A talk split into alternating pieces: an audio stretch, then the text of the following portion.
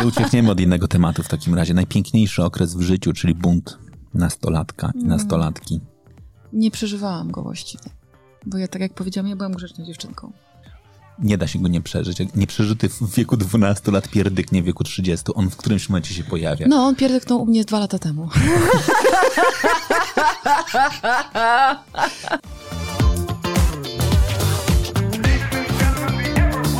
I zaszłam w ciążę i miałam taki już pokaźny brzuszek i wtedy dostałam masę ról, które musiałam odrzucić. Łącznie z francuskim filmem, o którym marzyłam całe życie. Rozumiesz? I masz coś takiego, serio? Kurde, serio?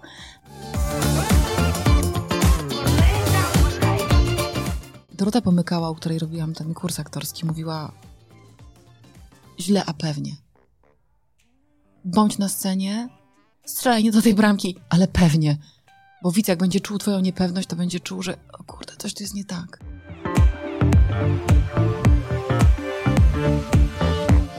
Dziękuję Ci bardzo, że słuchasz mojego podcastu. Bardzo Cię proszę o drobną przysługę oceń moją audycję. To ma wpływ na pozycjonowanie w rankingach. Twój głos ma dla mnie bardzo duże znaczenie. Zapraszam do wysłuchania kolejnego odcinka.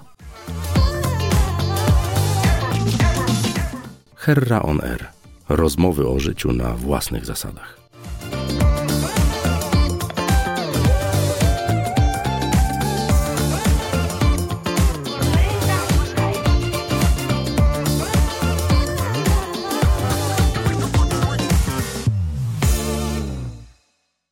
Hera Oner. Wywiad rzeka z tymi, którzy płyną pod prąd. Ha. Dzisiaj tak będzie. Nie będę robił długiego wstępu, bo mam taki pomysł, żeby zacząć inaczej. Waszą gościnią jest Magdalena Kumorek. Dzień dobry. Dzień dobry. Wiesz, że moglibyśmy razem świętować urodziny? 14 sierpnia? Nie dziesiąty. Ale, Ale blisko. ale to bardzo, bar, bardzo blisko. Tak. Wierzysz w astrologię? Nie wiem, czy wierzę, ale miewam takie momenty, że nie tyle się nią posługuję, co to mnie bawi. I O. tak, to mnie bawi. Nawet mam taką zaprzyjaźnioną panią astrolog, u której e, raz do roku e, robię taki rekonesans, co ten najbliższy rok może przynieść. Mhm. I ostatni, ostatni rekonesans sprawdził się? E, sprawdza się, bo ja ostatnio robiłam to w listopadzie ubiegłego roku. Mhm. I rzeczywiście bardzo dużo się sprawdziło. Przy czym ja też tego tak nie weryfikuję, typu, że tam 16 marca o godzinie 14 coś tam się miało wydarzyć, nie no, bez jaj. Natomiast e, jeżeli chodzi o takie tendencje energetyczne, mm, to rzeczywiście to się pokrywa i to jest fajne. Jaką ty masz energię? A, no to jest właśnie, to są jaja, dlatego że wszyscy do mnie mówią, jaka ty jesteś spokojna, jaka ty jesteś wyluzowana. A to jest zmyłka. Ja po prostu, wracając do astrologii, mam ascendent w wadze, a jestem zodiakalnym lwem, co Mhm. powoduje powoduje taką dosyć e, dychotomię, gdyż wewnątrz jest ogień, a na zewnątrz jest właśnie ten spokój i ta stabilizacja i ta równowaga. Także mm, ta moja energia jest różna. Ja się staram być bardzo wierna sobie. Mhm. Ale ta energia się odpala na scenie? Na maksa. Jak? A, a ostatnio już w ogóle bardzo. Em, ja kocham być na scenie. Mhm. Ja odkryłam to, jak byłam małym dzieckiem. E, Bo ja jestem na scenie od, nie wiem, piątego roku życia mniej więcej, więc już trochę. Mhm. I rzeczywiście na scenie dostaję jakieś doładowanie kosmiczne e, i uwielbiam to i nawet jeżeli mam przedstawienia, które są na przykład bardzo wysoko one- e, energetycznie wysiorbujące, że tak się Mhm. wyrażę, to ja to kocham i oddaję całą siebie. A teraz po 40 to w ogóle mam lot na ten temat, dlatego że już przestałam być grzeczną dziewczynką, w związku z tym mogę robić różne, różne rzeczy. I tak na przykład tutaj w Warszawie w Niepamięci gram w takim przedstawieniu, gdzie no na pewno grzeczną dziewczynką nie jestem. I tam Mhm. się dzieje. Jak to jest, że trafiłaś na scenę mając 5 lat? A to jest tak, że ja miałam wujka, który jest nadal śpiewakiem operowym. Mhm. I moja mama, której marzeniem było, żeby e, w jakimś kierunku muzycznym samą siebie rozwijać, ale takie się życie potoczyło, jak się potoczyło, poprosiła owego wujka, żeby sprawdził, jak ja tam wokalnie stoję. No więc on chodzi ze mną po torach, dlatego że mój dziadek e, pracował na kolei, więc przy jakiejś tam imprezie rodzinnej chodziliśmy po torach i on mówi, Magda, a zaśpiewaj la, więc ja la, a la la la, la la la. Powtarzałam, to to trwało z godzinę, po czym on wrócił, powiedział do mojej mamy, Ela, ona musi iść do szkoły muzycznej. Ale zanim do szkoły muzycznej trafiłam do takiego zespołu wokalno-tanecznego w Gliwicach, z których pochodzę. No i tam się bardzo szybko okazało, że nie tylko potrafię zaśpiewać la la la, ale też śpiewam piosenki i mam spykałkę do tańca, więc wszystkie solówki, które były, byłam obsadzana, więc tak to się zaczęła. Potem była szkoła muzyczna, e, a potem jak uciekłam ze szkoły muzycznej, to zaraz potem pojawiło się kółko teatralne, no i tak, tak jestem na scenie od zawsze. A dlaczego uciekłaś ze szkoły muzycznej? Ta szkoła muzyczna, e, podobno to był mój pomysł, ja tego nie pamiętam. Ja podobno bardzo chciałam grać, nie pamiętam. E, zostałam zapisana, zdałam świetnie egzaminy. I rzeczywiście pierwszych sześć lat e, było stosunkowo przyjemnymi latami. E, oczywiście trudno siedmiu, ośmiu, dziewięciolatce zrozumieć, że koleżanki biegają na podwórku, a ty siedzisz i ćwiczysz. Mhm. Są takie dzieci, które po prostu to kochają, ale ja do nich nie należałam. Ja tęskniłam bardzo. No ale byłam grzeczną dziewczynką, tak jak powiedziałam, więc yy, siedziałam, bo mama chciała, nie? I grałam. E, ale potem tak jest szkoła muzyczna wymyślona, że jest 6 lat pierwszego stopnia i 6 lat drugiego stopnia. I ten Mhm. drugi stopień bardzo często kontynuuje się u innego nauczyciela. Ja nieopatrznie bardzo dobrze zdałam te egzaminy między jedną szkołą a drugą i trafiłam do bardzo wymagającej nauczycielki. Ja wcale nie byłam e, orłem z tego fortepianu. No i ona po pierwszych trzech lekcjach, kiedy myślała, że no po prostu ma nieoszlifowany diament, że te konkursy szopenowskie to przed nami, będziemy to zdobywać. No i jak zobaczyła, z kim ma do czynienia, no to zaczęła się wyżywać na mnie tak psychicznie i tak emocjonalnie, że ja po prostu totalnie tego nie dźwignęłam. I mimo tego, że w którymś momencie na własne życzenie zostałam przeniesiona do klasy fortepianu innej nauczycielki, to już mój system nerwowy był tak rozregulowany. Ja miałam tak olbrzymią niechęć do tego instrumentu, że mając lat 16 poszłam do sekretariatu, poprosiłam o roczny urlop i wiedziałam, że do tej szkoły nigdy nie wrócę. E, I rzeczywiście przez lata nie grałam na fortepianie.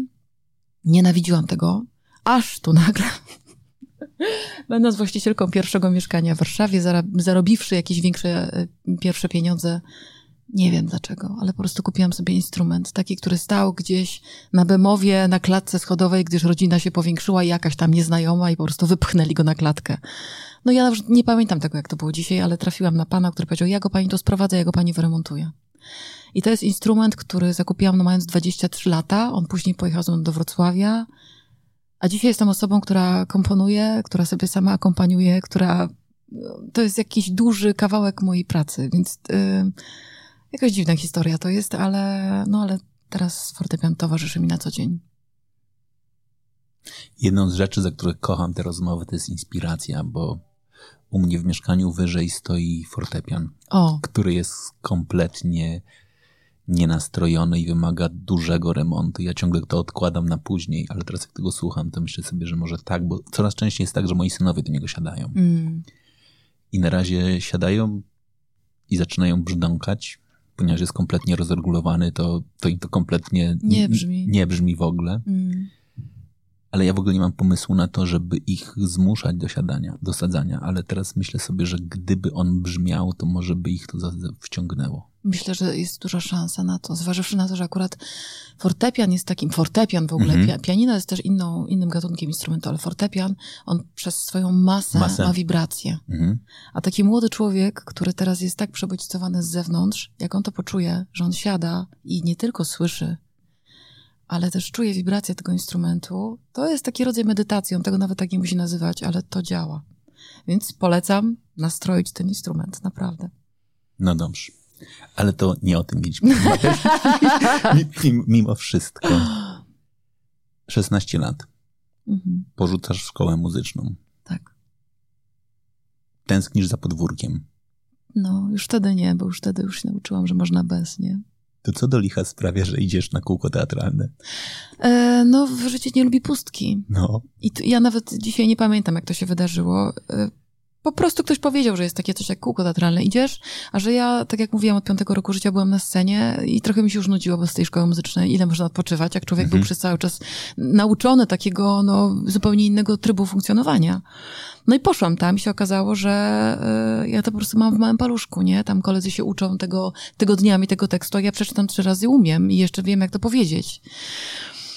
E, No więc naturalnym krokiem było to, że chwilę potem e, dowiedziałam się od e, moich znajomych, że jest coś takiego jak to się chyba nazywało Art Studio. Prowadziła to Dorota Pomykała w Katowicach. Mhm. I to są takie zajęcia, które mają przygotować e, adeptów do szkoły teatralnej. Mhm. Ja sobie tam chodziłam trzy lata. To jest weekendowa impreza. Impreza, no takie zajęcia bardzo szeroko zakrojone, bo i wiersz, i proza, i takie zajęcia z ruchu scenicznego, i pantomima, i tak dalej, i tak dalej. E, I to też było cudne, dlatego że ja przez pierwszy rok chodziłam się totalnie obijałam, nie robiłam nic. Chodziłam na te wszystkie e, ruchowe, natomiast głównie obserwowałam moich kolegów, co oni na tej scenie wyczyniają i się w ogóle nie wychylałam. Na drugim roku Dorota już mi tak zaczęła dźgać palcem. No wyjdź, no ale jak już tutaj jesteś, kurczę, twoja matka płaci za te zajęcia, no to weź cokolwiek, dziewczyno, zrób. Ja się chyba bałam. Nie wiem. I w końcu zaczęłam coś mówić, no a już e, w klasie maturalnej wiedziałam, że chcę iść do szkoły teatralnej.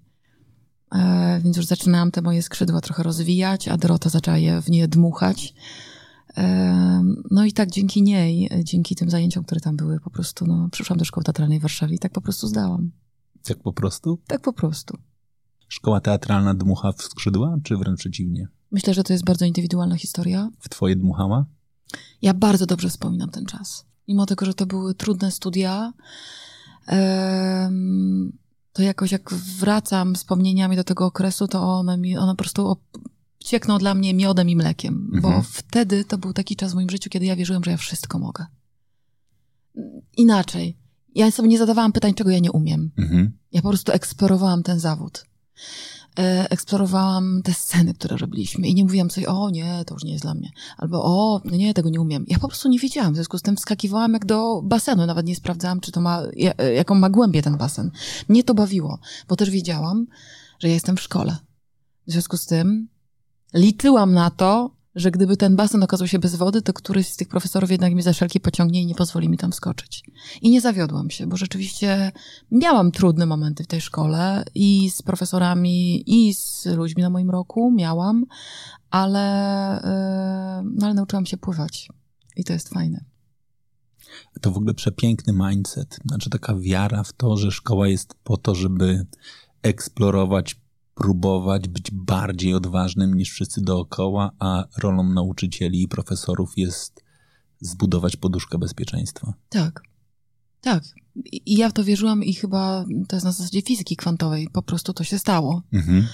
I mimo tego, że opuszczając szkołę teatralną, wcale nie miałam e, przekonania, że ja mam fach w ręku. A przecież to jest zawód, który się opiera na fachu. Mhm.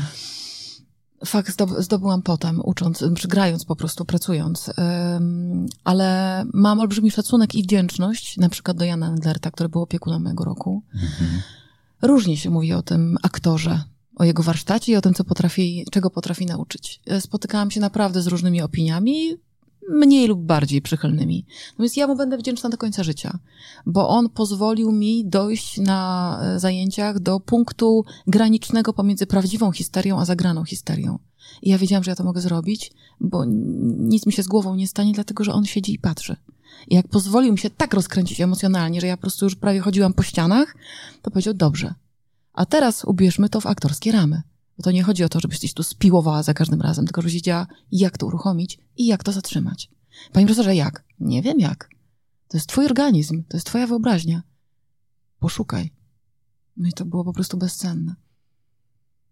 Teraz taka moja mała dygresja. Tutaj, panie Janie, jeżeli pan będzie słuchał tej audycji, to ja mam wielkie swoje marzenie.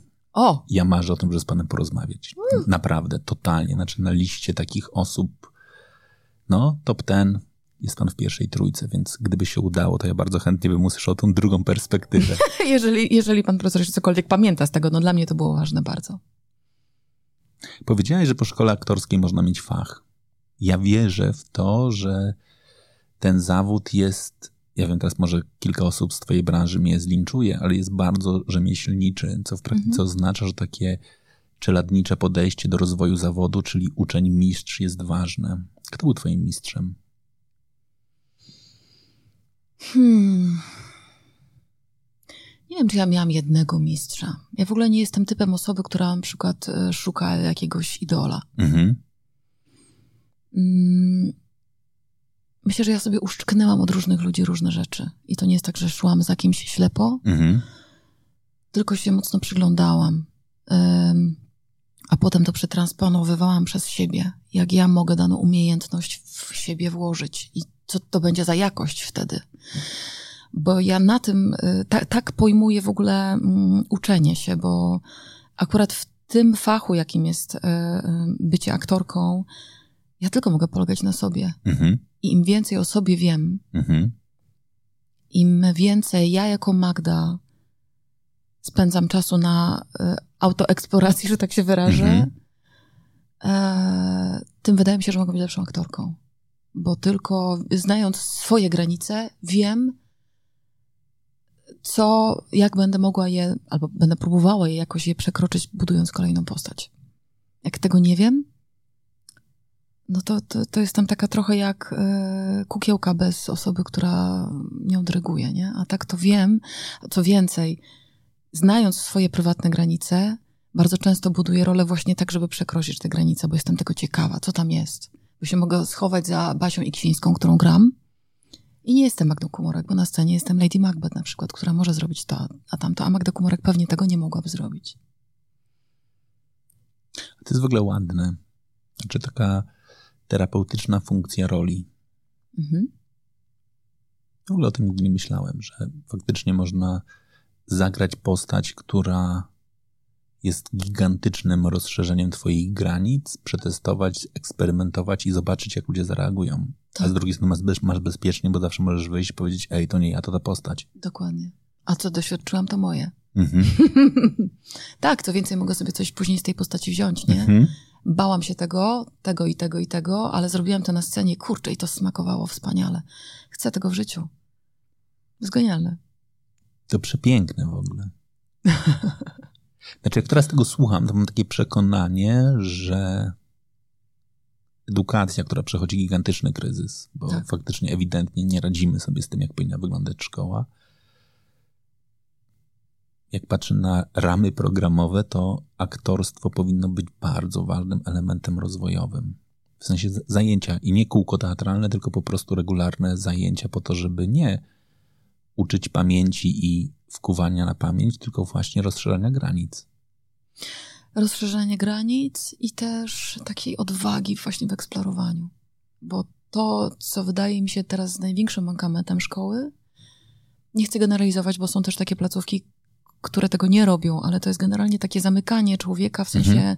ucz się taki, jaki jest klucz odpowiedzi, mhm. a nie co ty czujesz na ten temat, albo co twoja głowa, co twoja wyobraźnia mówi na temat tego wiersza. Nie. Autor miał na myśli to i to. Kropka. To jest straszne. Bo tak naprawdę oduczamy y, te dzieci, te, te młodzież kreatywności, która jest naturalną cechą człowieka. I tego mi żal. Ja bym dołożyła taki przedmiot, kreatywność, mhm. i dołożyłabym na pewno w każdej szkole, może nie medytację, bo ona dla wielu brzmi strasznie, y, strasznie religijniej i tak dalej. Niech to będzie mindfulness. Świetnie brzmi z angielskiego, z amerykańskiego. Niech to będzie. Ale taka autoświadomość i wyciszenie, szczególnie te przebodźcowane dzieciaki teraz bardzo by tego potrzebowały. I dołożyłabym jeszcze takie zajęcia fakultatywne, e, uświadamiające, czym są emocje. Mhm. Tak naprawdę, gdzie się rodzą emocje. I jak możemy z tymi emocjami pracować, jak możemy się nimi bawić, i że się nie trzeba ich bać. I myślę, że jakbyśmy mieli w podstawówkach, w liceach takie zajęcia, no to te wychodzące dzieciaki nie miałyby tych traum. Mhm bo one by sobie potrafiły rozparcelować te emocje, co się w nich dzieją. Tam się po prostu wulkany codziennie odbywają, nie? Ale one by wiedziały, a emocja to jest pochod na myśli, a myśl związana z tym, że zostałam w takim a takim domu wychowana, albo nie wiem, teraz jestem głodna, dlatego tak działa mój y, wewnętrzny tam system. I wydaje mi się, że gdyby dać dzieciakom tę wiedzę, a na pewno ją przyswoją, skoro ogarniają smartfony, hello, to jest mhm. łatwiejsze, znacznie, no to one mają wtedy narzędzie do rozpoznania samych siebie. A tak, jak się je pozostawia, Ewentualnie można upchnąć do jakiegoś psychologa, mhm. niech on coś tam wytłumaczy, ale jak my dorośli nie mamy tej wiedzy, dzieciaki mają tej wiedzy, to się po prostu bujamy. Stąd tyle traum, stąd tyle nieszczęścia. Tak mi się wydaje. W emocjach jest jeszcze jedna ładna rzecz, a mianowicie jak zaczynamy mówić o emocjach, to odkrywamy, że po pierwsze jest tak zwane koło emocji, które mówi o tym, że wszystkie emocje są ważne, że nie ma dobrych i złych emocji. Dokładnie. A my jako dorośli w naturalny sposób postrzegamy, że dobre emocje to są te, które są związane z radością, ekscytacją i te, które są związane z gniewem, smutkiem są złe. Nawet mówi się, że masz zły nastrój. Guzik, prawda, masz ważny nastrój, który jest oparty o emocje, które są po prostu postrzegane jako te trudniejsze. Albo jeszcze się w ogóle stygmatyzuje, złość piękności szkodzi. O Jezu. To powiedzenie przecież jest, e, no dokładnie mówi o tym, nie czuj się, nie, nie, nie przeżywaj swojej złości, dziewczynko, bo będziesz brzydka. Dlaczego? Dużo mamy takich haseł, które stygmatyzują właśnie te tak naprawdę przykre w doznaniu Mhm, emocje, a mhm. nie złe. Ale bardzo rozwojowe na przykład. Niezwykle ważne. Tak, tak. No emocje są tylko i wyłącznie wskazówkami, że jakaś nasza wewnętrzna potrzeba nie została zaspokojona. Albo została. Wtedy czuj, czujemy te wszystkie właśnie radość, nie? sytość, spełnienie i tak dalej. Ale wszystkie inne złość, gniew, smutek, to są tylko i wyłącznie informacje. I nie ma co przed nimi uciekać, tylko się zatrzymać i właśnie mindfulness. Dlaczego doświadczam smutku? O, bo coś mi odebrano, albo musiałam się z czymś pożegnać, albo liczyłam na to, że dostanę piątkę z Polaka, a dostałam pałę. Mhm. Dlatego czuję smutek. Aha, czuję go. Okej, czuję smutek. Nie ma smutku. Przepływa. Mhm. Bo emocje mają naturę chmury. One przypływają, są z nami, my je mamy przeżyć i wypuścić i zrobić miejsce dla czegoś innego. Natomiast o tym się nie gada i się upycha te wszystkie właśnie złości, smutki i żale. Człowiek to później chodzi i z tym wszystkim i choruje albo się wścieka na innych, wylewa swoją złość na kogoś innego. Zamiast ją przeżyć, zrozumieć, aha, to był komunikat. Dobra, idę dalej. Nie uciekniemy od innego tematu w takim razie. Najpiękniejszy okres w życiu, czyli bunt nastolatka i Mm. nastolatki. Nie przeżywałam go właściwie. Bo ja, tak jak powiedziałam, ja byłam grzeczną dziewczynką. Nie da się go nie przeżyć. Nieprzeżyty w wieku 12 lat pierdyknie w wieku 30. On w którymś momencie się pojawia. No, on pierdyknął u mnie dwa lata temu. W jaki sposób? Rozwiodłam się. Okej. Tak, ale to w ogóle jest niesamowite, bo em, ja rzeczywiście wiele, wiele lat y, nieświ- w nieświadomości kompletnej tkwiłam w tym schemacie bycia grzeczną i spełniania Mhm.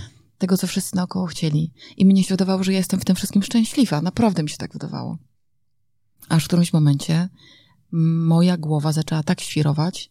Nie przeżyłam na szczęście żadnej depresji, ale miałam taki rodzaj załamania nerwowego. Mhm.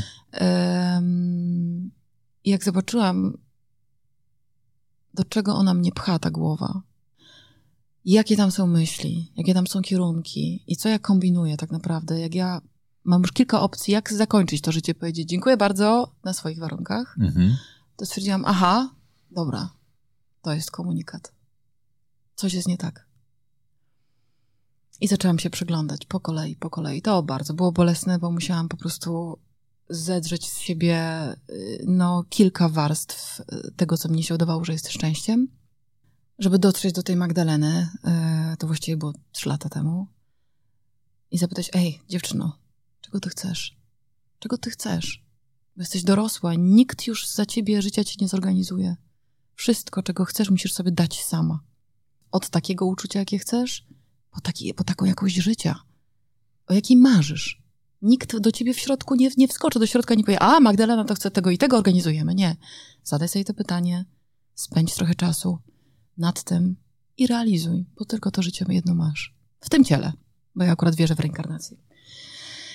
No i to był bardzo trudny proces, bo musiałam się zbuntować przeciwko bardzo wielu rzeczom. Eee, ale dzisiaj jestem niezwykle szczęśliwą, samostanowiącą osobą. Em, no i realizuję ten swój koncept takiego życia, o jakim marzyłam, no, na własnych warunkach. Szczęście jest wartością? Tak, jest wartością. Yy, Nawet dlatego, że jak jesteśmy szczęśliwi, to po prostu wydzielają nam się w organizmie endorfiny i jesteśmy fajniejsi dla siebie i dla innych. Mhm.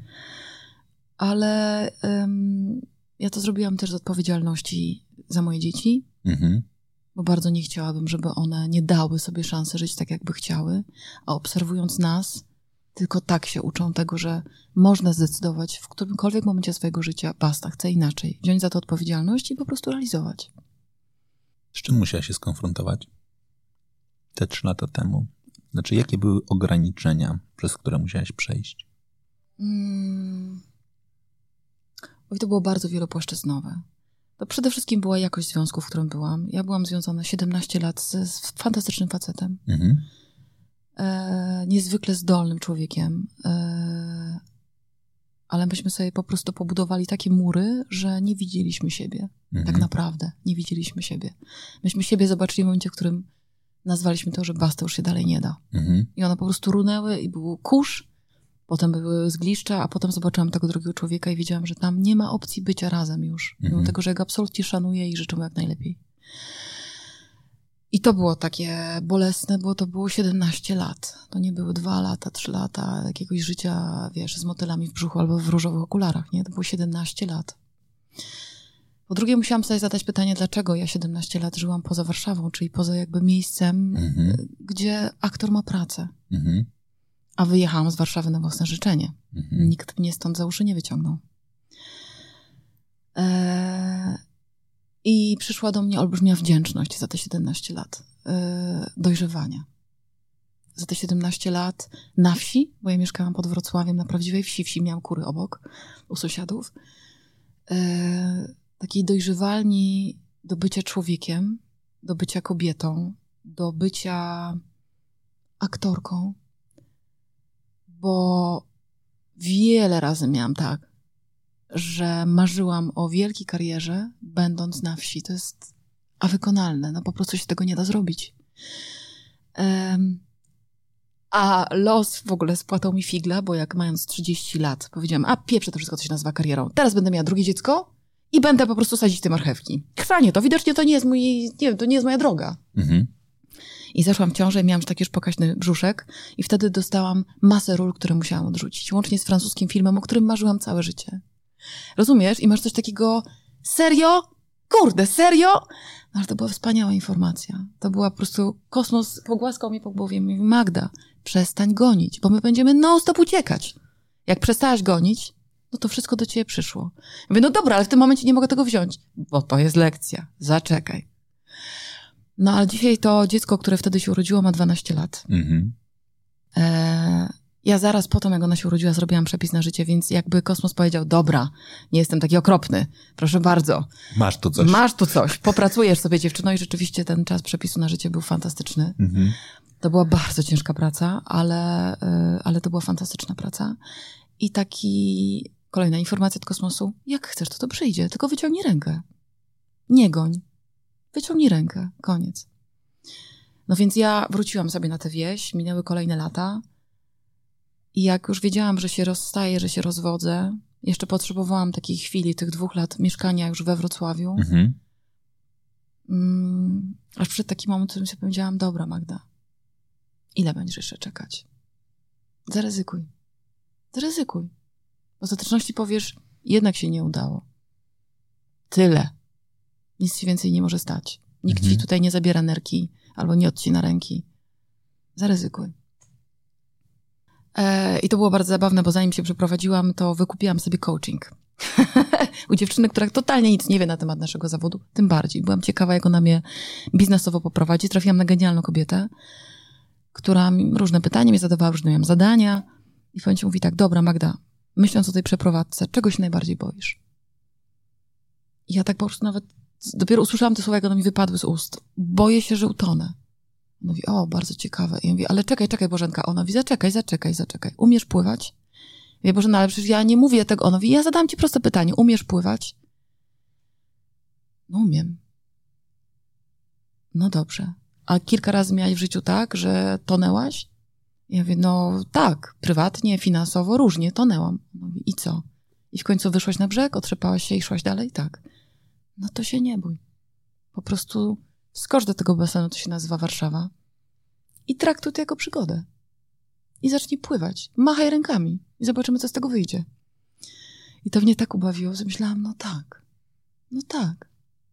Także jak się skonfrontowałam z lękiem też na temat Warszawy i tego, czy ja sobie tutaj dam radę, Mhm. jak już pozbierałam te wszystkie lekcje, które dostałam od kosmosu, typu nie goń, wyciągnij rękę, skonkretyzuj, czego chcesz, zaufaj temu, że naprawdę masz wszystko. Mhm. Masz wszystko, bo masz po prostu i lata pracy. Ja zawsze pracowałam tylko i wyłącznie w swoim zawodzie. Może nie w epicentrum medialnym zawsze, ale, ale mam ten warsztat. Lubię to, co robię. Czego się bać? No i ten krok nastał, więc Dlatego dzisiaj żyję jakby na własnych warunkach, ale ten proces, o którym mówimy, ten, który się zaczął trzy lata temu, on trwa nadal, no bo ja sobie gdzieś e, poradziłam z tym, że trzeba było zamknąć relacje, że trzeba było wyprowadzić się z tego domu, który zbudowaliśmy razem, że opuściłam miasto, że jestem w nowym mieście, że nowa praca. Ale rozkładam siebie nadal na części pierwszej i obserwuję, kim jestem, nie? Bo przecież tych y, etykiet, które nosimy, społeczno-ludzkich, jest masę. Mhm. Nie? Więc jakby daję sobie czas. Przyglądam się sobie i to jest wielka frajda. I jakie to jest pływanie? Różnie. Czasem po prostu budzę się o piątej rano i już muszę szybko, machać rękami, bo ty, mam tyle zadań do zorganizowania, że po prostu to jest taki, wiesz, yy, yy, chory piesek, nie? Żeby w ogóle nadążyć. A czasem udaje mi się wskoczyć w taką fajną, y, metafizyczną żabkę, że po prostu wolno sobie już płynę, biorę oddech wtedy, kiedy chcę i to się po prostu jakby dzieje i to się dzieje i ja mogę sobie wyjść i usiąść na brzegu, kiedy chcę. To jest różnie, natomiast też się tego uczę. Warszawa ma taki rytm, nie? Ona mhm. jest ona jest troszkę nieprzewidywalna, więc ja się uczę chodzić tutaj swoim krokiem. Mhm i w swoim tempie pływać, ale mnie to bawi póki co, nie? Ja wiem, że wiele osób w moim wieku już, y, którzy nie wyprowadzili się z tej Warszawy, oni są już tym zmęczeni i oni dzisiaj się wyprowadzają gdzieś poza Warszawę i dzisiaj mówią, nie, ja już nie mogę, ja muszę mieć chill out.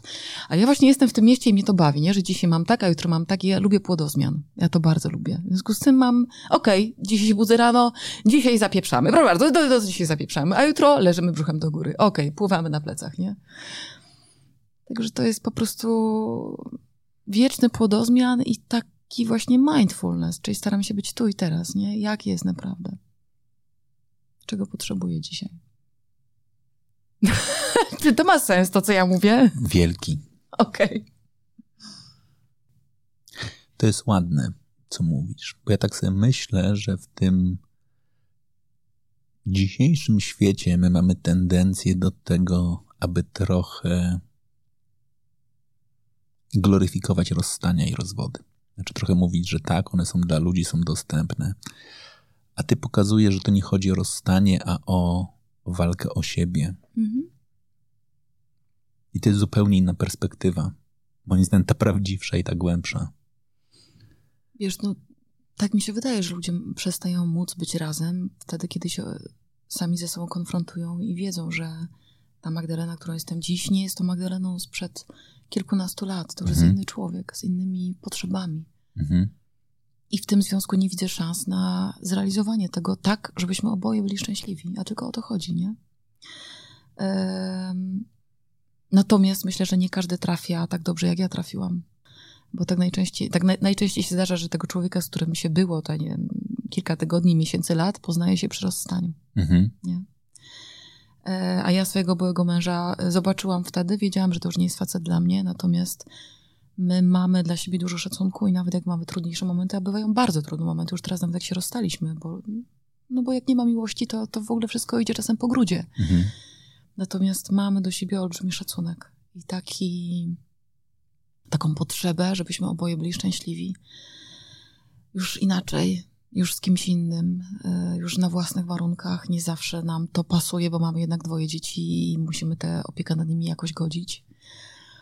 Ale, ale po prostu ja wiem, że, że Piotr chce, żebym ja była szczęśliwa i ja tak samo o nim myślę, nie? więc to jest łatwiejsze. Natomiast jak widzę inne osoby, które się strasznie szarpią, mhm. e, tymi dzieciakami jakoś przed sobą tam manewrują, tak naprawdę próbując uleczyć własne bóle kosztem tych dzieci, to jest bardzo bolesne, nie? Więc y, myślę, że no ja bardzo dobrze trafiłam. Mimo tego, że ten związek się zakończył, ale, ale myślę, że, że naprawdę dobrze, dobrze trafiłam. A propos dobrego trafiania. Mhm. Jaka jest twoja historia z Agnieszką Osiecką? Długa. tak, no tak się zdarzyło, że e, cały ten mój okres liceum, a potem studia, no to, to ja byłam rozkochana w jej tekstach i, i ona gdzieś mi równolegle, tak jak Leśmian, jeżeli chodzi o po, po, polskich e, poetów, jest y, tym twórcą, w, w, którego biegu myśli ja odnajduję swój własny bieg myśli. Tak Osiecka y, bardzo mi w duszy grała. I tam chyba w 2000 roku wzięłam udział w takim konkursie na interpretację piosenek Agnieszki Osieckiej, który sobie tak wygrałam. Jakoś tak wyszło. Mhm. I tak. od tego momentu tak sobie przyszłam i wygrałam. No, prawda była taka, że ja się jakoś za bardzo nie nasadzałam, no to ja po prostu to zaśpiewałam, no, tę jedną, drugą, trzecią piosenkę, że um, one są w większości smutne. Mhm. A ja miałam wtedy taki okres czerni na studiach właśnie, że tak przeżywałam. no to rezonowało to ze mną, więc yy, dlatego mówię, że to nie było trudne, bo ja mhm. po prostu wpuściłam w siebie i ona mną zaśpiewała. Mm, I rzeczywiście później nawet był taki moment, że dostałam propozycję, żeby nagrać płytę z, e, z piosenkami Osieckiej. Koniec końców nagrałam cztery e, utwory. Ciąg dalszy nie wyszedł z powodów różnych, mm, ale faktycznie no, jest to taka e, poetka, autorka tekstów, którą bardzo, bardzo lubię i szanuję. Lubię jej piosenki bardzo. Płyta nie wyszła i już nie wyjdzie? I już nie wyjdzie. Nie, nie, nie. To był znaczy ta konkretna nie wyjdzie. E, to był jakiś tam zamysł chwili i tamtych osób, z którymi ja się wtedy gdzieś kontaktowałam. A to się wszystko rozpłynęło. Absolutnie nie żałuję, tak miało być. Mhm. Myślisz, że te piosenki naprawdę są smutne? Ja myślę, że ona była smutna. Ja myślę, że ona była smutna, bo ona była nieskontaktowana ze sobą. Mhm. E, w takim sensie, że tam w niej, tak jak czytam te teksty, jak słucham różnych interpretacji kolegów, koleżanek, to, to była taka postać, która miała, nie, miała jakąś olbrzymią dziurę e, miłości. Mhm. Olbrzymią. Dlatego tyle, tylu mężczyzn, dlatego, dlatego tyle piesnego miłości, dlatego to wszystko było takie w takim głodzie olbrzymim i w takim dramacie olbrzymim, no bo to właśnie nie było tej konfrontacji, że to jest dorosła osoba, której już nikt nie da tej miłości, której widocznie zabrakło jej w domu rodzinnym. I tylko dorosły może popatrzeć na te dziecięce emocje i je zaopiekować. Natomiast no, to jest wiedza, którą mamy dziś, nie? bo mhm. o tym mhm. się gada. nie przypuszczam, żeby za czasów Agnieszki Osieckiej ktoś mówi, słuchaj kochana, bo ty się musisz podchylić nad swoim wewnętrznym dzieckiem. Myślę, że się tak nie mówiło. A wręcz była taka, mm, przecież mm, to był taki smak, nie? Że mhm. poeci byli smutni i chodzili w tych szalikach albo w tych kapeluszach. Mm, w tej słocie jesiennej tworzyli te smutne piosenki, które później inne osoby z gitarą wkładały w swoje usta, no to był taki smak, tak. Więc myślę, że nawet gdyby ktoś jej zaproponował rozpoznanie i terapię, to by się stuknęła w głowę, jak będę żyła. No przecież to na tym polega, że ja to przeżywam, cierpię i piszę. Chociaż przypuszczam, że to było nieuświadomione. No wspaniała poetka, tragiczna postać.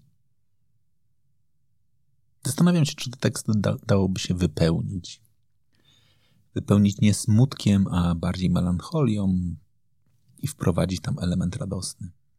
W interpretacji, nie mówię, że w tekście. Dało, dać by się dało na pewno. Da się wszystko z interpretacją. Myślisz, żeby je zabiło?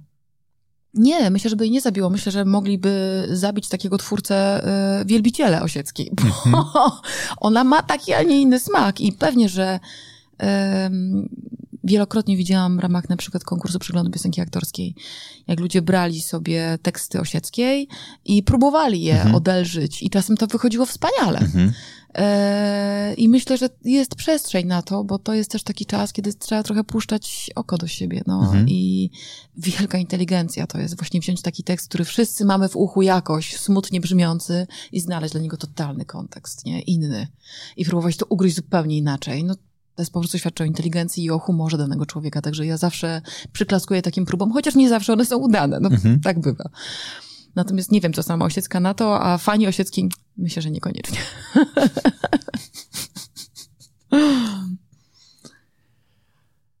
Ortodoksyjne podejście do smutku. Gdzie jesteś dzisiaj, w tej Warszawie? Jak myślisz o tym, że pływasz po niej, to mhm. no właśnie, w jakim kierunku chcesz popłynąć? To jest bardzo dobre pytanie. Jest takie ładne powiedzenie: jeśli nie wiesz, dokąd zmierzasz, to na pewno tam nie dotrzesz. Mhm. No ja tutaj stoję na rozstaju dróg, że tak się wyrażę. Bo z jednej strony, idąc za tym, co przed chwilą powiedziałam, za coachingiem, który mam za sobą, powinnam jasno wytyczyć swoje cele. Mhm. Czyli na przykład za trzy lata na przykład gram u Szumowskiej. Za pięć lat gram tam u kogoś. Za dziesięć lat to i to. To już E, Oscar, za 10 lat też Oscar. Oscar. Chociaż kurczę, to w ogóle nie leży jakby, w, ja w ogóle nie myślę w tym kierunku, ja w ogóle nie potrzebuję żadnych Oscarów, żeby robić to, co robię. Ale dobra, rozumiem, w ramach rozwoju biznesowego to powinno się pojawić gdzieś tak naprawdę. E, ale ta druga droga, ta, która mnie tak naprawdę kręci od jakiegoś czasu, to jest ta droga, żeby zaufać temu, co się wydarza. E, tak jak mówiłam wcześniej, kosmos mnie nauczył, że jak zacznę gonić za czymś, tak akurat w moim przypadku jest tak, że to coś ucieka, nie? I tylko mi gra na nosie i mówi, no próbuj, kto szybciej, nie? A ja od jakiegoś czasu stosuję inną technikę. Jakbyśmy sobie wyobrazili życie przez Mhm. duże rzet jako takie bezpieczne, szerokie ramiona, to ja sobie to wyobrażam od jakiegoś, wyobrażam, czuję od jakiegoś czasu tak, że ta moja, ten mój ruch nie jest do, ku, Mhm. tylko ja się po prostu opieram. To znaczy, ja od jakiegoś czasu czuję, że te ramiona są za mną i one mnie tak puh, popychają trochę do przodu. I ilekroć rodzi się we mnie rodzaj lęku, Jezu, czy ja podołam. Ja teraz żyję na dwa domy, no bo jeszcze mam mieszkanie we Wrocławiu, to mam mieszkanie w Warszawie. Więc ilekroć na przykład, nie wiem, rodzi się we mnie lęk, na przykład y, związany z finansami, czy ja podołam. Jezus Maria, jeszcze to muszę złapać, to muszę zrobić, to muszę zrobić. No to to wszystko się rozpływa, puh, nie ma. A ilekroć mówię, dobra, Magdalena, życie cię przyniosło do tej Warszawy. Tu jesteś. Odetchnij. Po prostu się oprzyj. No to nagle momentalnie puh, ta fala płynie i otwierają się takie drzwi, o których ja nigdy nie marzyłam. W związku z tym ja to, co robię, to przede wszystkim mówię życiu tak. Mówię tak. I to podjęłam taką decyzję sama ze sobą po 40. Właśnie w, mając 40 lat się rozwiodłam. E, I pomyślałam sobie, dobra Magdalena, no to teraz to jest ten czas, kiedy oczywiście nie biorę wszystkiego. To nie jest tak, że ja wszystkiemu mówię tak, ale przychodzi tak wiele tak dziwnych rzeczy, tak zupełnie innych. E, I kiedyś bym powiedziała, nie, bez sensu to jest dla mnie, ja nie chcę na to tracić czasu. Ja będę czekać na te role. A dzisiaj mówię, tak. Chcę się z tym skonfrontować, ja chcę tego spróbować. I dzięki temu na przykład nagrywam aplikację. Co jest bardzo zabawne, bo ostatnio na, nagrałam, dałam swój głos do aplikacji dla wypalonych zawodowo. Przewspaniała rzecz, która się zaraz pojawi na rynku. Oparta właśnie na świadomości. Mhm. Masę narzędzi, ćwiczeń, medytacji, mm, takich informacji w pigułce, co się dzieje z człowiekiem, jak można sobie pomóc.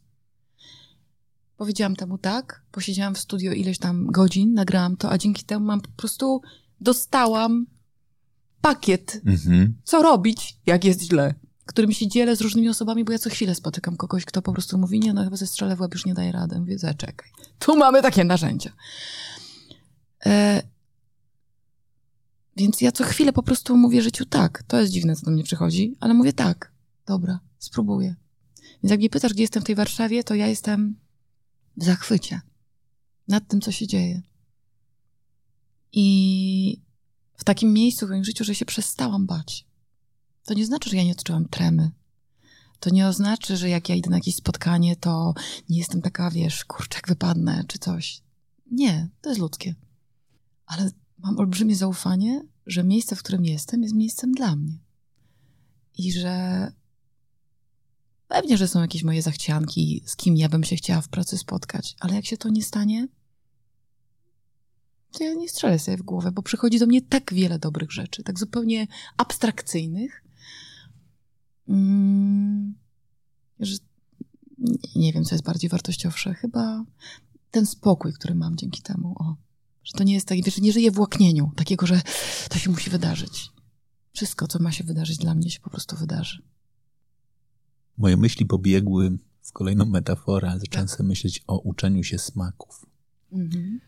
Że to jest pewnie bardzo żywe we mnie. Ja mam dwóch synów, którzy cały czas są na etapie tego, że większości rzeczy nie jedzą. Oj, Co oznacza w praktyce, że gotowanie dla nich jest z jednej strony banalnie proste, bo jest tam 16 potraw na krzyż, które, na 16 to tak jest sporo, a nie makaron i pizza, pizza i makaron, koniec. które możesz przygotowywać, ale pomyślałem sobie, że taki przełom, ja, ja byłem dokładnie taki sam, znaczy ja też bardzo mało rzeczy jadłem, aż faktycznie któregoś dnia powiedziałem, dobra, trudno, próbuję, najgorzej, naj, najwyżej wypluję. Tak, znaczy nikt od tego nie umrze. Tak, znaczy Mhm. to, to, że wezmę gryza i powiem, że mi nie smakuje, to spoko, no jakby poradzimy sobie z tym. I w momencie, kiedy powiedziałem sobie, dobra, próbuję coraz więcej rzeczy, to okazało się, że coraz więcej rzeczy mi smakuje.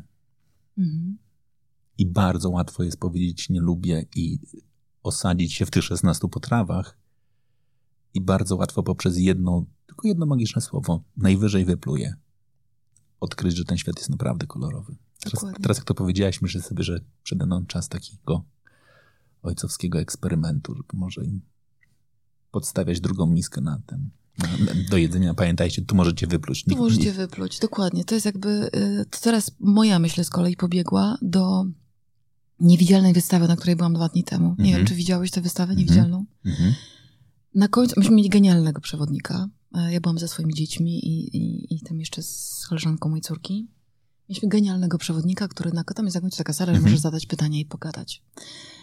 I ja y, chciałam skonfrontować coś, co usłyszałam jako małe dziecko, bo w tym zespole wokalno-tanecznym, o którym mówiłam ileś tam minut temu, Kiedyś graliśmy w takim właśnie domu dla osób niewidzących i niedowidzących, mhm. nie do końca sprawnych psychicznie i tak dalej. Śpiewaliśmy tam e, piosenki. I pamiętam, że na końcu była taka pani, która zapytała, czy może do mnie podejść i e, dotknąć mojej mhm. twarzy, bo ona tak czyta, a ja tam śpiewałam dużo solówek, więc ona mhm. chciała zobaczyć, co to za dziecko. No ja byłam taka trochę zdziwiona, bo nigdy wcześniej takiego doświadczenia nie miałam, no ale zgodziłam się. I ta pani w momencie mi powiedziała coś takiego, że ona ma taką umiejętność, że po dotyku potrafi rozpoznać kolor, że każdy kolor ma swoją energię. No więc ja postanowiłam to skonfrontować z tym naszym przewodnikiem na tej mhm. niewidzialnej wystawie. On z kolei mi powiedział, że to jest totalna bzdura, bo osoby niewidzące nigdy nie widziały koloru. Mhm. Ona może dotknąć na przykład samochodu czarnego obok białego i ten biały wiadomo, że będzie mniej nasłoneczniony, więc mhm. będzie mniej ciepły niż ten czarny. Koniec, kropka. No więc nasze pytania w kierunku tego przewodnika poszły dalej. Jak śnią osoby niewidome, które nigdy nie widziały? On powiedział, że one nie śnią obrazami. One śnią dzięki tym zmysłom, mhm. które mają rozwinięte. Dzięki słuchowi, dzięki węchowi, mhm. dzięki dotykowi. I powiedział coś bardzo ciekawego. Nasz mózg, w związku z tym, że jest organem, który najbardziej czerpie energię Mhm. Jego zadaniem jest jak najwięcej tej energii zaoszczędzić. W związku z tym, na przykład, osoby widzące nie czytają całego słowa. My czytamy pierwszą literę mhm. i ostatnią, resztę nam dopowiada mózg. Mhm. I tak jest ze wszystkim, co eksplorujemy. Bo naprawdę to nie leży w interesie mózgu, żeby za każdym razem mówić nam, tak, ja chcę tego spróbować. O, zielone, fajne, spróbuję, włożę do ust. Mhm. Nie. On sobie kojarzy zielone, to może być szpinak. Szpinak, kiedy jadłem, to nie, to nie jest dobre. Mhm. To są ułamki po prostu sekund. Mhm. I żeby do, dotarła ta informacja. Stąd jest blokada. Nie, nie chcę zielony szpinak, nie lubię. Mhm. I on mówi, że dlatego jest to niebywałe, żeby się właśnie puścić i otworzyć na wszystko, dlatego że, żeby nie dać temu umysłowi, który, temu mózgowi, który chce ograniczyć tę energię, zablokować nas. I to, co mówisz o swoich dzieciach, tam też jest ten w ułamku sekundy komunikat, nie lubię zielone, nie? Mhm. Czy jakieś tam. I to jest to, co ja powiedziałam, że ja mówię życiu tak. Wielokrotnie przychodzą do mnie rzeczy, które kiedyś już smakowałam i wiedziałam, że oj, to nie było fajne. Mhm. Mówię, Magda, ale dzisiaj masz 20 mhm. lat więcej. Mhm. Dzisiaj może okazać, że to jest najlepsza potrawa, jakiej doświadczysz życiowo. Po prostu powiedz życiu tak, a najwyżej wyplujesz. Tak? To jest dokładnie to. Tylko trzeba przeskoczyć swój mózg, który chce zatrzymać nas. Swoją drogą bardzo, bardzo dobra wystawa, także gdybyście się Państwo zastanawiali, czy iść, to się proszę nie zastanawiać. Idźcie. Warto. Jak mój syn powiedział, to ryje beret. To ładne. No. Zamykając temat kulinarny, mój, mój młodszy syn do dziś mi wypomina, jak kiedyś mu powiedziałem, że fasolka szparagowa są takie inne frytki. I to zadziałało, zaczął ją jeść, ale zawsze mówi, tato, to było straszne, dlaczego mi to zrobiłeś? Moja mama miała bardzo podobny fortel jak ja byłam mała, to nie było bananów. Znaczy były w Peweksie, mhm. No a my z moim bratem bardzo chcieliśmy jeść banany i one się pojawiały u nas tylko jak rodzice wyjeżdżali na jakąś, e, jakiś tam wyjazd zagraniczny związany z pracą. I mama już nie mogła słuchać tego ciągu, mamo banany, mamo banany. I z któregoś dnia, po takim dłuższym okresie niejedzenia tych bananów, mówi do mnie tak, ale wiesz co Magda, tak naprawdę to banany, one są przereklamowane, bo one identycznie smakują jak pomidory posypane cukrem. I jak mamo? No spróbuj. No ja dałam się namówić, bo rzeczywiście ten okres to było, nie wiem, trzy miesiące, gdzie nie jadłam tych bananów. Nie pamiętałam tego smaku. i jadłam miesiącami kanapki z pomidorem posypane cukrem. Cukrem. Byłam przekonana, że to są banany, nie? Że to smakuje jak banany. Jesus. Piękne czasy małych oszustw. tak. Która postać cię definiuje najbardziej z zagranych? Albo do której jest ci najbliżej? Hmm. Większość aktorów odpowiedziałoby ta ostatnia, którą, którą zagrałam, czyli w moim przypadku jest to um, Agnieszka z Niepamięci, którą gramy w Garnizonie Sztuki. Mhm.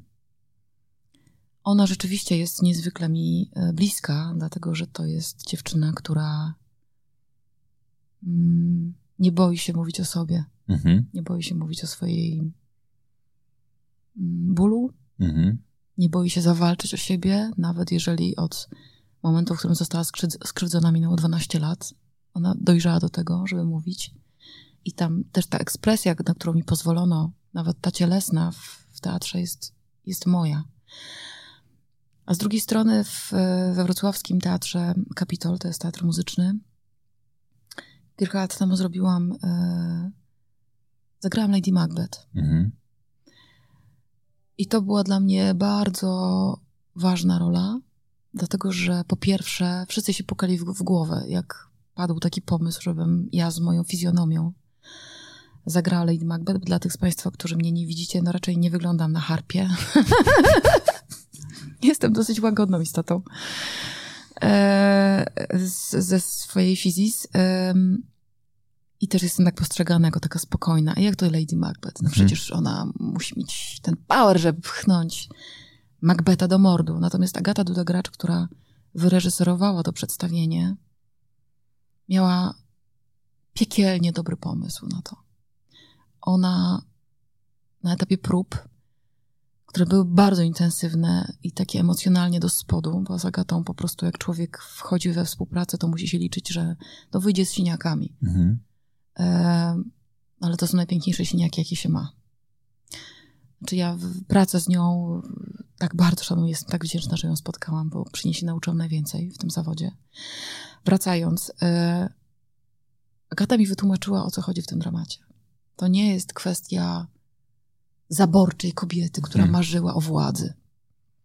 W naszej interpretacji to jest kobieta, która tak bardzo kocha swojego męża, tak bardzo w nie, wierzy w niego, że zrobi wszystko, żeby on osiągnął to, czego chce.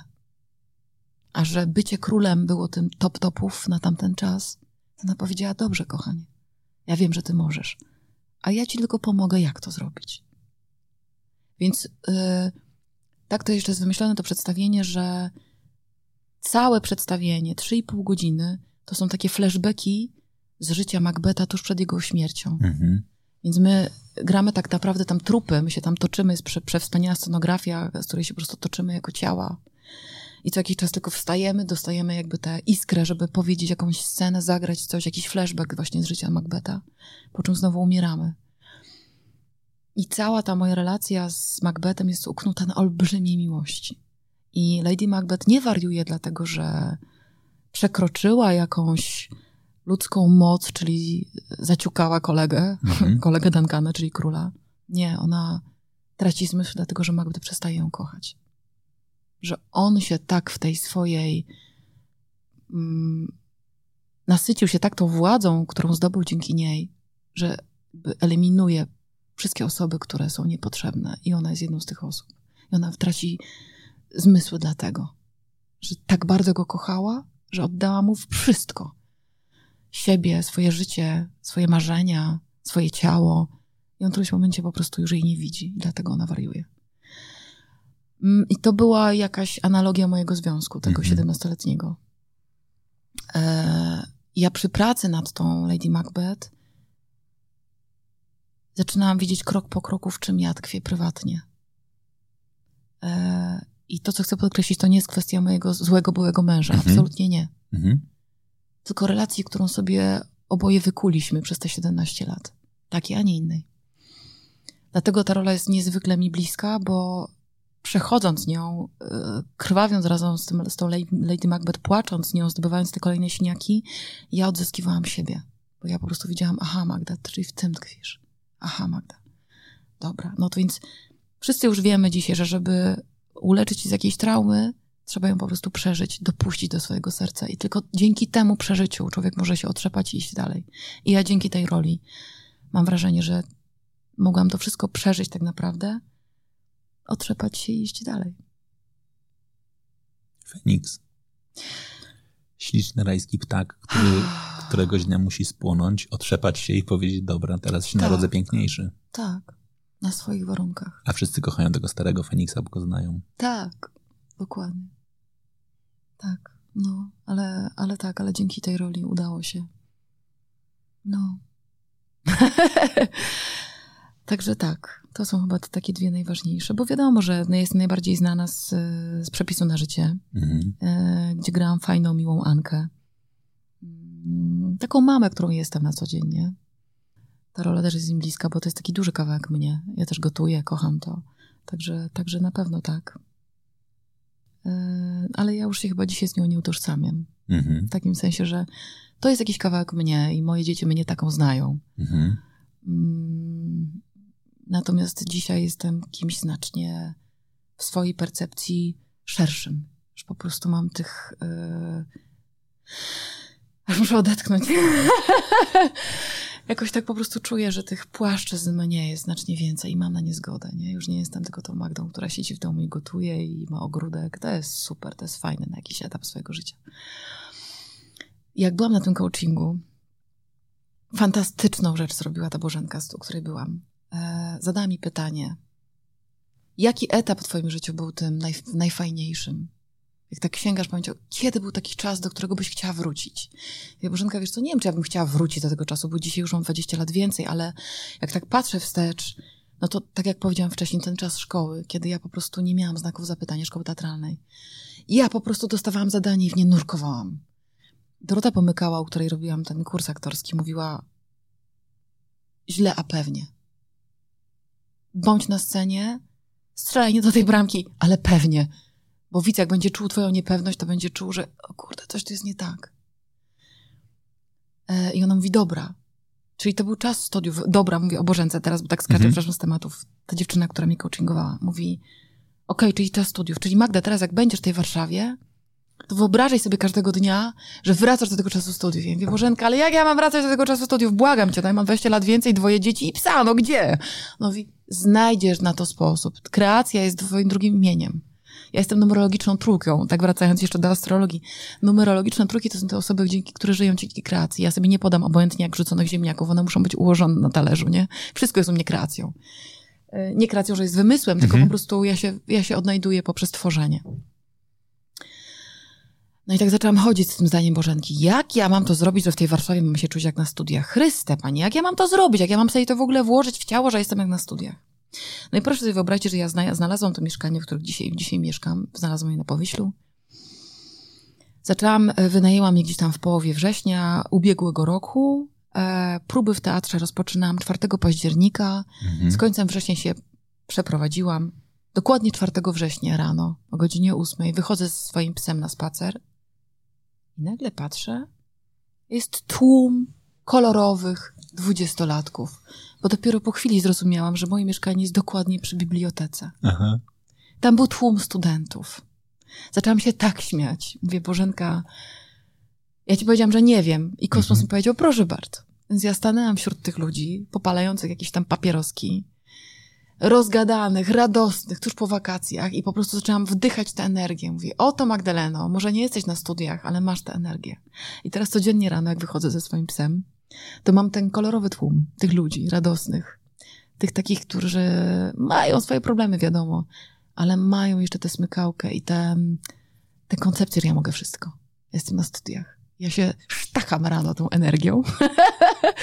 I naprawdę i naprawdę żyję tym. Kurczę, ja mogę wszystko. Bo najwyżej, tak jak ty powiedziałeś, po prostu wypluję. Mhm. Jak mi nie będzie smakowało. I powiem, dziękuję bardzo, ta potrawa, którą mi życie zaserwowało tu i teraz jest nie dla mnie. Dzięki, pójdę do innej restauracji. I tak żyję. To jest fenomenalne. Masz już indeks? mam kilka, bo w różnych miejscach pracuję, więc jakby mam ich kilka, natomiast e, nie biegnę do profesorów po notę, sama sobie je wstawiam. A jakie sobie wstawiasz noty? Oj, no tutaj nad tym pracuję, bo ja jestem dla siebie bardzo dużym recenzentem, bardzo dużym i nie potrzebuję czytać tych wszystkich pudelków i innych opiniotwórczych e, jakichś koncepcji, e, bo naprawdę to ja jestem tą osobą, która sobie mówi, Magda, okej, okay, można się było lepiej przygotować. Albo Magda, dobra, podejdźmy do tematu jeszcze raz. Albo, kurczę, zaskakująco dobrze to zrobiłeś. Różnie to bywa. A po co to słowo zaskakująco? Dlatego, że jeszcze jestem na tym etapie, że ja wiem, jak wiele potrafię, mhm. bo już wiele rzeczy zrobiłam. Mhm. Ale jeszcze nie jestem. Mm, jeszcze się nie, nie na tyle najadłam z tych różnych y, restauracji, tych dań, że mogę powiedzieć, kurde, ja to mogę po prostu to, to, to, to i to. Ja wiem, że ja to umiem, natomiast mhm.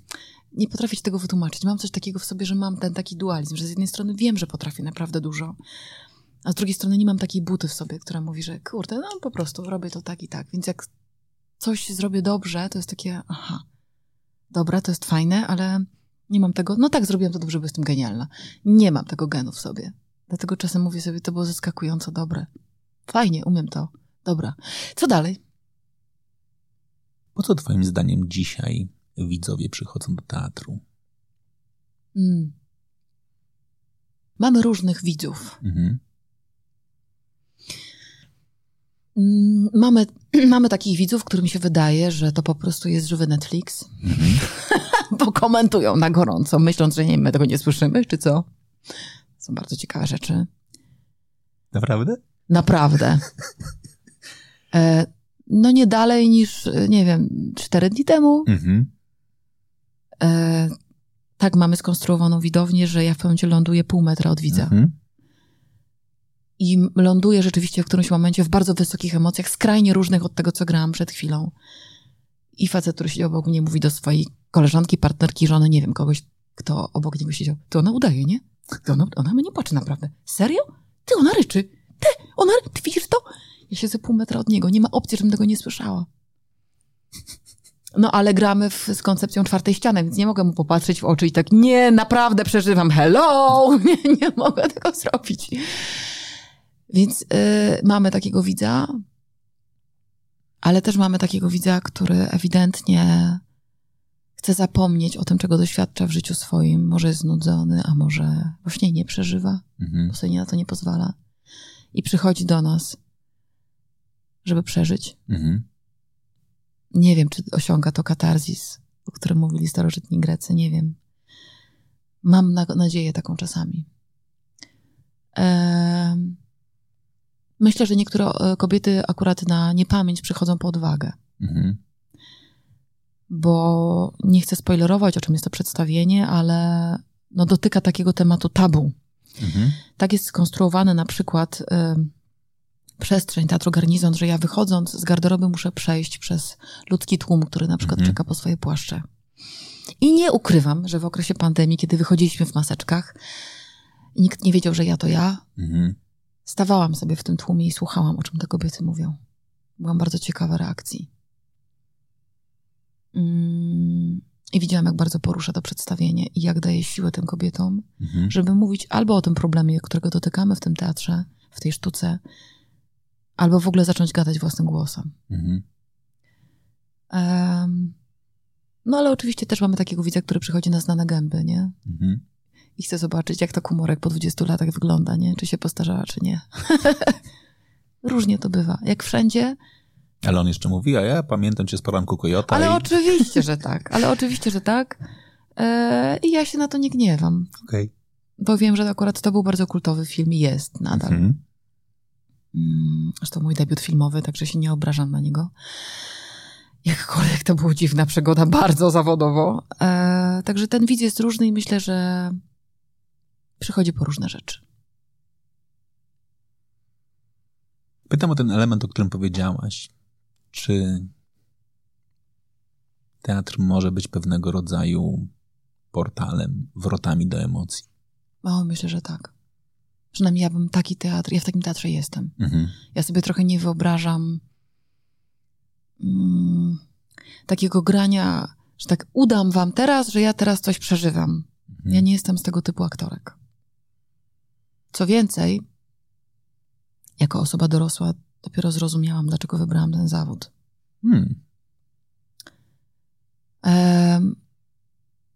Ja długo myślałam, że to jest tak, że trochę zrobię taką dużą, du, du, dużą y, pętelkę, ale myślę, że ona jest ważna. Jak dostałam się do szkoły teatralnej i tak się rozpoznawywali, rozpoznaliśmy jako rok, to okazało się, że na 19 osób, które koniec końców skończy, skończyło y, ten rocznik, trzy osoby były z pełnych rodzin. Mhm. Szczęśliwych, mama, tata, żyjemy razem, jest fajnie. Reszta? Albo któryś z rodziców zmarło, albo ludzie- rodzice są rozwiedzeni, albo jakiś tam był dramat. Więc Mhm. był deficyt w tym dziecku, ewidentnie. I ja długie lata myślałam, że ja wykonuję ten zawód dlatego, że od dziecka, jak byłam na scenie, to dostawałam tę dodatkową atencję. Mhm. I też byłam widziana przez moją mamę dzięki tej atencji zewnętrznej, czyli jakby dostawałam w dwójnasób, a że ja byłam grzeczną dziewczynką, nie sprawiałam problemu, więc tej atencji w domu miałam niewiele, bo ja Mhm. dostawałam piątki, niewiele trzeba było ze, mi, ze mną robić, żebym ja wykonywała te zadania, więc jakby nie miałam tej uwagi. Mhm. Więc szłam sobie na scenę, na szkolnych akademiach, nie wiem, w konkursach, w których brałam udział i tam dostawałam, tam się karmiłam. Ale jako dorosła osoba zrozumiałam, że grzeczna dziewczynka to jest ta, która nie przeżywa swoich emocji. Mhm. I tu nie chodzi o atencję. Też. Mhm. Ale tu chodzi o doświadczanie. Bo człowiek, który nie doświadcza emocji, umiera. Mhm. Bo tak jesteśmy skonstruowani. Więc ja sobie w życiu prywatnym nie musiałam ich doświadczać. Bo ja szłam na scenę Mhm. i tam grałam, jak to się mówi w naszym slangu, od kotary do kotary. Mhm. Po prostu tam mogłam eksplorować. E, I taką sztukę aktorską ja uprawiam. Ja na swoim organizmie przeżywam to, co przeżywa moja postać. Jak płaczę, to naprawdę płaczę swoimi łzami. Oczywiście nie na swój prywatny temat. Mhm. Mam tę zdolność od dziecka, że potrafię uwierzyć we wszystko. To się może nazywać naiwność, a dla mnie to jest wyobraźnia. Mhm. E, ja potrafię uwierzyć w każdą najbardziej absurdalną historię. Oczywiście, jako dorosła osoba potrafię sobie wrzucić filtr i jak dzieci Mhm. mi dzisiaj ściemniają, że coś tam i odpowiadają niestworzone historie, to ja wiem, że one ściemniają. Ale wiem, że to jest też kawałek ich rozwoju, więc ja nie mówię serio? I Mhm. później mówię, a tato opowiedział, że tak naprawdę to wyglądało tak i tak i tak. Nie, nie, nie, ja idę w tę historię, bo wiem, że jest, jest mi to potrzebne. Natomiast wykorzystuję sobie tę swoją cechę na scenie, więc wiem też, że jak ja jestem szczera w tym, co robię i naprawdę oddaję tej postaci siebie, to widzę to w oczach naszych widzów, że jak oni mają zgodę na to, bo nie każdy ma zgodę na to, żeby przeżyć, to wychodzą nakarmieni tym, co dostali, tym daniem, które zaserwowaliśmy im na scenie. Chyba, że ktoś przychodzi pooglądać Netflixa, no to wtedy komentuje i nie współuczestniczy. Bo przecież to zawsze w teatrze jest wymiana, nie? Mhm. Zawsze. Więc odpowiadając na Twoje pytanie, jestem przekonana, że jak ktoś jest gotów na to, żeby przyjść i przeżyć, to to dostanie. Jeżeli przyjdzie na taką sztukę, jeżeli dostanie takiego aktora czy taką aktorkę, która jest gotowa służyć swoim ciałem, swoim głosem, swoją emocjonalnością, swoją wyobraźnią. Ja tak pojmuję ten zawód. Ja jestem naczyniem, przez które przepuszczam swoją intencję, intencję reżysera, intencję kogoś, kto napisał daną sztukę.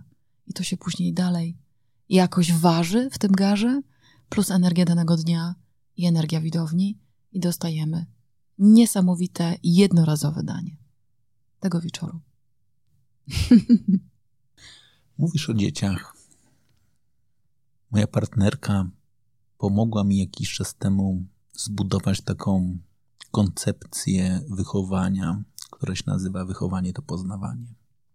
Znaczy najważniejszą rolą, jak chcesz wychować swoje dziecko, to nie mów mu, jaki jest twój świat, tylko staraj się poznać świat twojego dziecka z ich, z ich perspektywy. Dokładnie. Wchodź w to. Jaki jest świat twoich dzieci? Och, jest przebogaty. E, tak nam się pięknie przytrafiło, że mamy dwoje wrażliwców. Ja mam 18-letniego syna. Mhm. Czyli dorosłego już człowieka, i dwunastoletnią córkę. Mój syn jest e, niezwykle empatyczny. Ja mam z nim taki wręcz. E, mm, nie wiem, jak ten kontakt nazwać, bo nie, żadne słowo go chyba nie. Nie chcę, żeby, nie chcę go domknąć, tej Mhm, nazwy. mhm, Mamy z, mam, mam bardzo bliski kontakt, czuję go intuicyjnie. mhm. On jest do mnie bardzo podobny. E, a z drugiej strony jest osobą, która bardzo chce nam pokazać, mnie i mojemu byłemu mężowi, że już jest samowystarczalny i będzie sam decydował o sobie. I to jest tak cudowne, bo jest wrażliwcem, który bardzo chce postawić na swoim, nie? Jest przezdolny muzycznie. Tak komponuje i pisze takie rzeczy, że e, mój były mąż, który jest kom, e, kompozytorem, Mhm. jak go słucha, to czasem mówi, kurwa mać, przepraszam za wyrażenie. Jak to jest, że ten smyk siada i po prostu takie rzeczy mu wychodzą spod palców, a ja lata nad tym pracowałem, rozwijając to w sobie, żeby to móc zagrać. Więc to jest po prostu przepiękne, nie? Więc my mu dmuchamy w skrzydła i mówimy, zdaj maturę, a potem rób co chcesz. Bo ja jestem u niego spokojna, on sobie poradzi. Mhm. E, Natomiast moja córka jest też bardzo wrażliwa, ale ona ma ten świat w sobie. Mój, mój syn jest osobą, która gada, która Mhm. potrafi się, która chce się ko- e, konstruktywnie jakby bodźcować i, i, i, i chce do, dochodzić do tej konfrontacji. A ona jest osobą, która przeżywa w sobie i ona ma te światy w sobie niebywałe. Mhm. Jest osobą niezwykle empatyczną.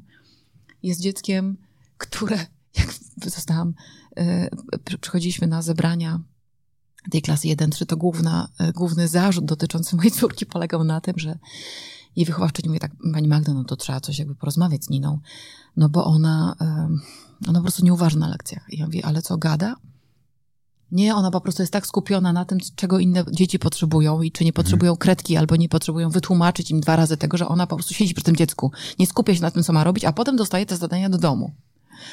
I Ja rozumiem, czyli ona jest po prostu swoją uwagą przy innym dziecku Mhm. oddaje siebie komuś. A potem rzeczywiście w domu musi robić te zadania. I to był zarzut tej pani. Więc ja myślałam, o matko droga, niech ona to ma jak najdłużej. Mhm. I rzeczywiście to ma. Eee, I to jej się przelewa na opiekę nad końmi, nad zwierzętami, nad drugim człowiekiem. Eee, wchodzi w błąd nastolatki, ale tak się cudownie złożyło, że ja jestem teraz na takim kursie prowadzonym przez e, pana Tomasza Zielińskiego. Mhm. Znasz człowieka? Mhm. Dzisiaj mam ostatnie spotkanie e, i wiem, że będzie mi tego bardzo brakowało. Dla tych z Was, którzy nie wiecie, o kogo chodzi, to jest taki człowiek, który tłumaczy rodzicom, jak rozmawiać z nastolatkami, tłumaczy nam, Jak ich świat, usłyszeć? jak ich usłyszeć i Mhm. jak z nimi gadać. Daje nam narzędzia. I ja tymi narzędziami rzeczywiście rozmawiam z moją córką i tam się otwierają niebywałe światy, bo to jest tak naprawdę nauka, jak zobaczyć w tym dorastającym człowieku pełnoprawną istotę. Mhm. Jak to jest podejść do swojej dwunastolatki, którą się niby zna, Mhm. i powiedzieć do niej, słuchaj, a czy ja mogę ci zadać pytanie? Mhm. Gdzie daję ciała? W którym miejscu naszego, naszej relacji ja cię nie słyszę? Po czym usłyszeć tę dwunastolatkę i jej podziękować. Mhm. No to jest nauka, jak być um, leader servant, Mhm. czyli służę tobie, chociaż Mhm. jestem twoim liderem, bo jestem Mhm. twoim rodzicem. To jest taka nauka, którą po prostu można przelewać na każdą, totalnie każdą odnogę swojego życia. Więc em, bardzo szeroko mam wrażenie, odpowiadam na, odpowiadam na twoje pytanie, Mhm. e, ale też bardzo szeroko widzę moje dzieci. Mhm. I to jest błogosławieństwo. Bo ja wie, wiem, że ja urodziłam tych dwoje wspaniałych ludzi, ale też mam świadomość, że ja mogę im tylko towarzyszyć. Mhm. I że nie spowoduje, że one się nie przewrócą, nie zedrą kolan, Mhm. i że nie spowoduje, że one nie przeżyją swoich załamań, rozczarowań, smutków i bólu tego świata. Ja nawet nie chcę, żeby ktoś im tego ograniczał. Nie. Mhm. Ja bardzo chcę być tą osobą, która powie: Widzę, cze- czego doświadczasz. Widzę, jak cię to boli. Co mogę dla ciebie zrobić? Tyle i aż tyle. Nic więcej. Nic nie możemy więcej zrobić dla tych naszych dzieciaków. Ja mogę próbować im swoim przykładem, na przykład tym, że się rozwiodłam, kiedy byłam nieszczęśliwa, pokazać. W każdym momencie mo- swojego życia możesz powiedzieć: Bardzo dziękuję, to już nie jest dla mnie. I to jest jedyna rzecz, którą ja mogę im dać pokazać na swoim przykładzie. Drugą rzeczą, którą mogę zrobić, jest dmuchać w ich skrzydła. I jak zobaczę, że w czymś się rozwijają, w czymś coś je karmi, coś jest ich pasją, stanąć na głowie, żeby dać im wszystkie narzędzia, żeby one mogły się w tym kierunku rozwijać. I mogę im towarzyszyć w ich drodze. Cieszyć się ich szczęściem, niekoniecznie smucić się ich smutkami, ale raczej stać przy nich, powiedzieć, jak będziesz potrzebować, jak będziesz czuła, że to jest ten adres. Jestem. Nawet po to, żeby cię pogłaskać po głowie albo pomilczeć z tobą, nie doradzać ci, dopóki nie zostanę zapytana, mamo, a co to byś zrobiła wtedy? Zrobić herbatę, jeżeli tej herbaty chcesz, albo przywieźć z imprezy, cokolwiek, jestem.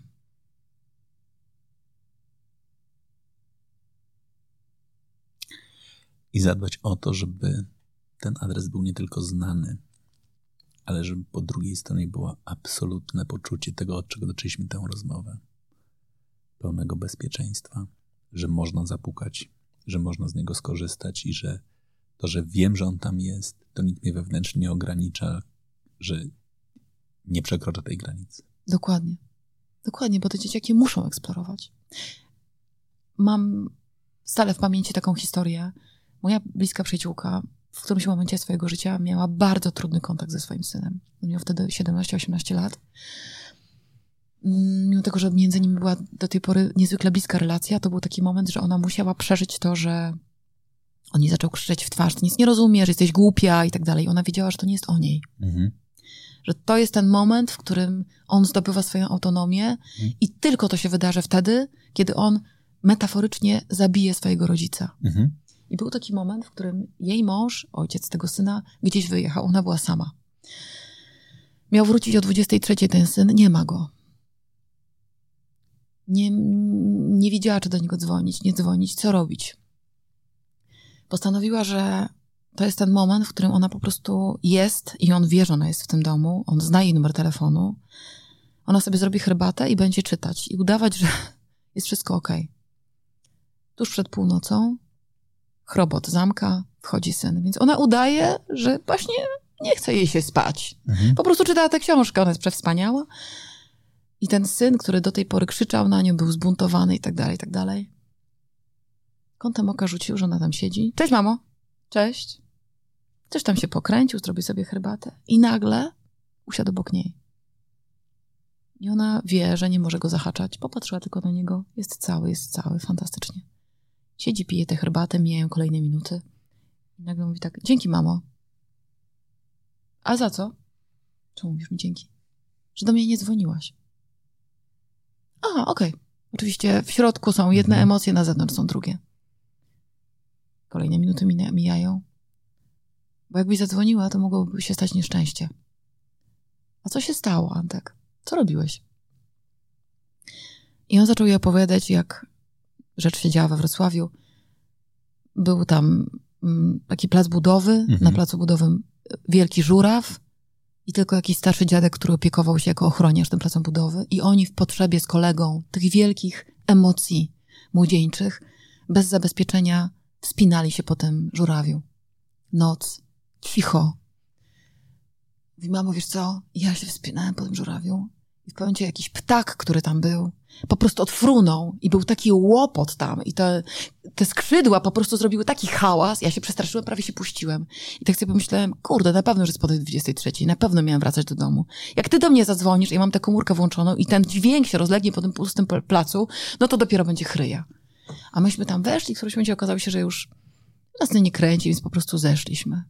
Dzięki, mamo. Idę spać. I ta moja przyjaciółka oczywiście mówi, że na szczęście miała jakąś taką łaskę, że powiedziała mu, fajnie, że to doceniasz. I fajnie, że wróciłeś bezpiecznie. Dzięki, idź spać. Między nią a nim ta relacja się wtedy nawiązała po raz kolejny na nowo, nie?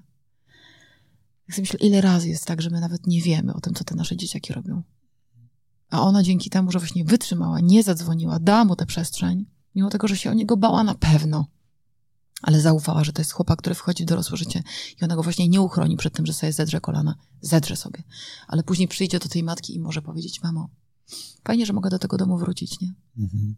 Dzisiaj mają przepiękną relację. To są trudne momenty, wiadomo, nie? Ale tak jak mówisz, to, to, co jest naszym zadaniem jako rodzice, to od któregoś momentu po prostu stwarzać taką bazę. Właśnie tak jak ci mówiłam wcześniej, to życie, które wyciąga ramiona i mówi, zawsze możesz przyjść i się tutaj oprzeć. Ja tu jestem, niezależnie od tego, czy się przewróciłeś, czy jesteś szczęśliwy. Ja tu jestem, jak chcesz, to się przyjdziesz i podzielisz. No, chciałabym być taką mamą, mam nadzieję, że mi to wychodzi.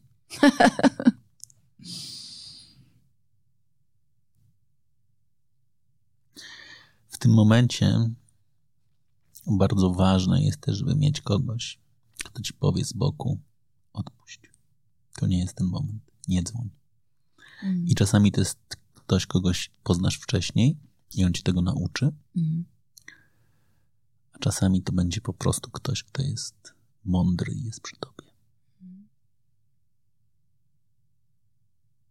To jest dobry moment, żeby postawić kropkę. Niech tak będzie. Dziękuję Ci bardzo. Ja Tobie również. Dziękuję Ci bardzo za, za rozmowę o Tobie i o Tobie, o Tobie, a nie o Twoich rolach. Nie o Tobie ze sceny, a o Tobie z wnętrza. Dziękuję Ci bardzo. A ja dziękuję Ci, że nie chciałeś eksplorować po raz kolejny ról, których zagrałam, odcinać kuponów, tylko byłeś ciekawe mnie. To się rzadko zdarza. Dziękuję. dziękuję. A Wam dziękuję, że, że byliście z nami w tej rozmowie. Jeżeli macie niedosyt rozmowy o rolach, to zapraszam. Internet jest pełen historii, w których dowiecie się, jakie role i jak zostały zagrane, przeżyte, dlaczego zostały odrzucone, a dlaczego zostały przyjęte. A tu myślę sobie, że ważniejszy jest człowiek. Dziękuję, że byliście z nami.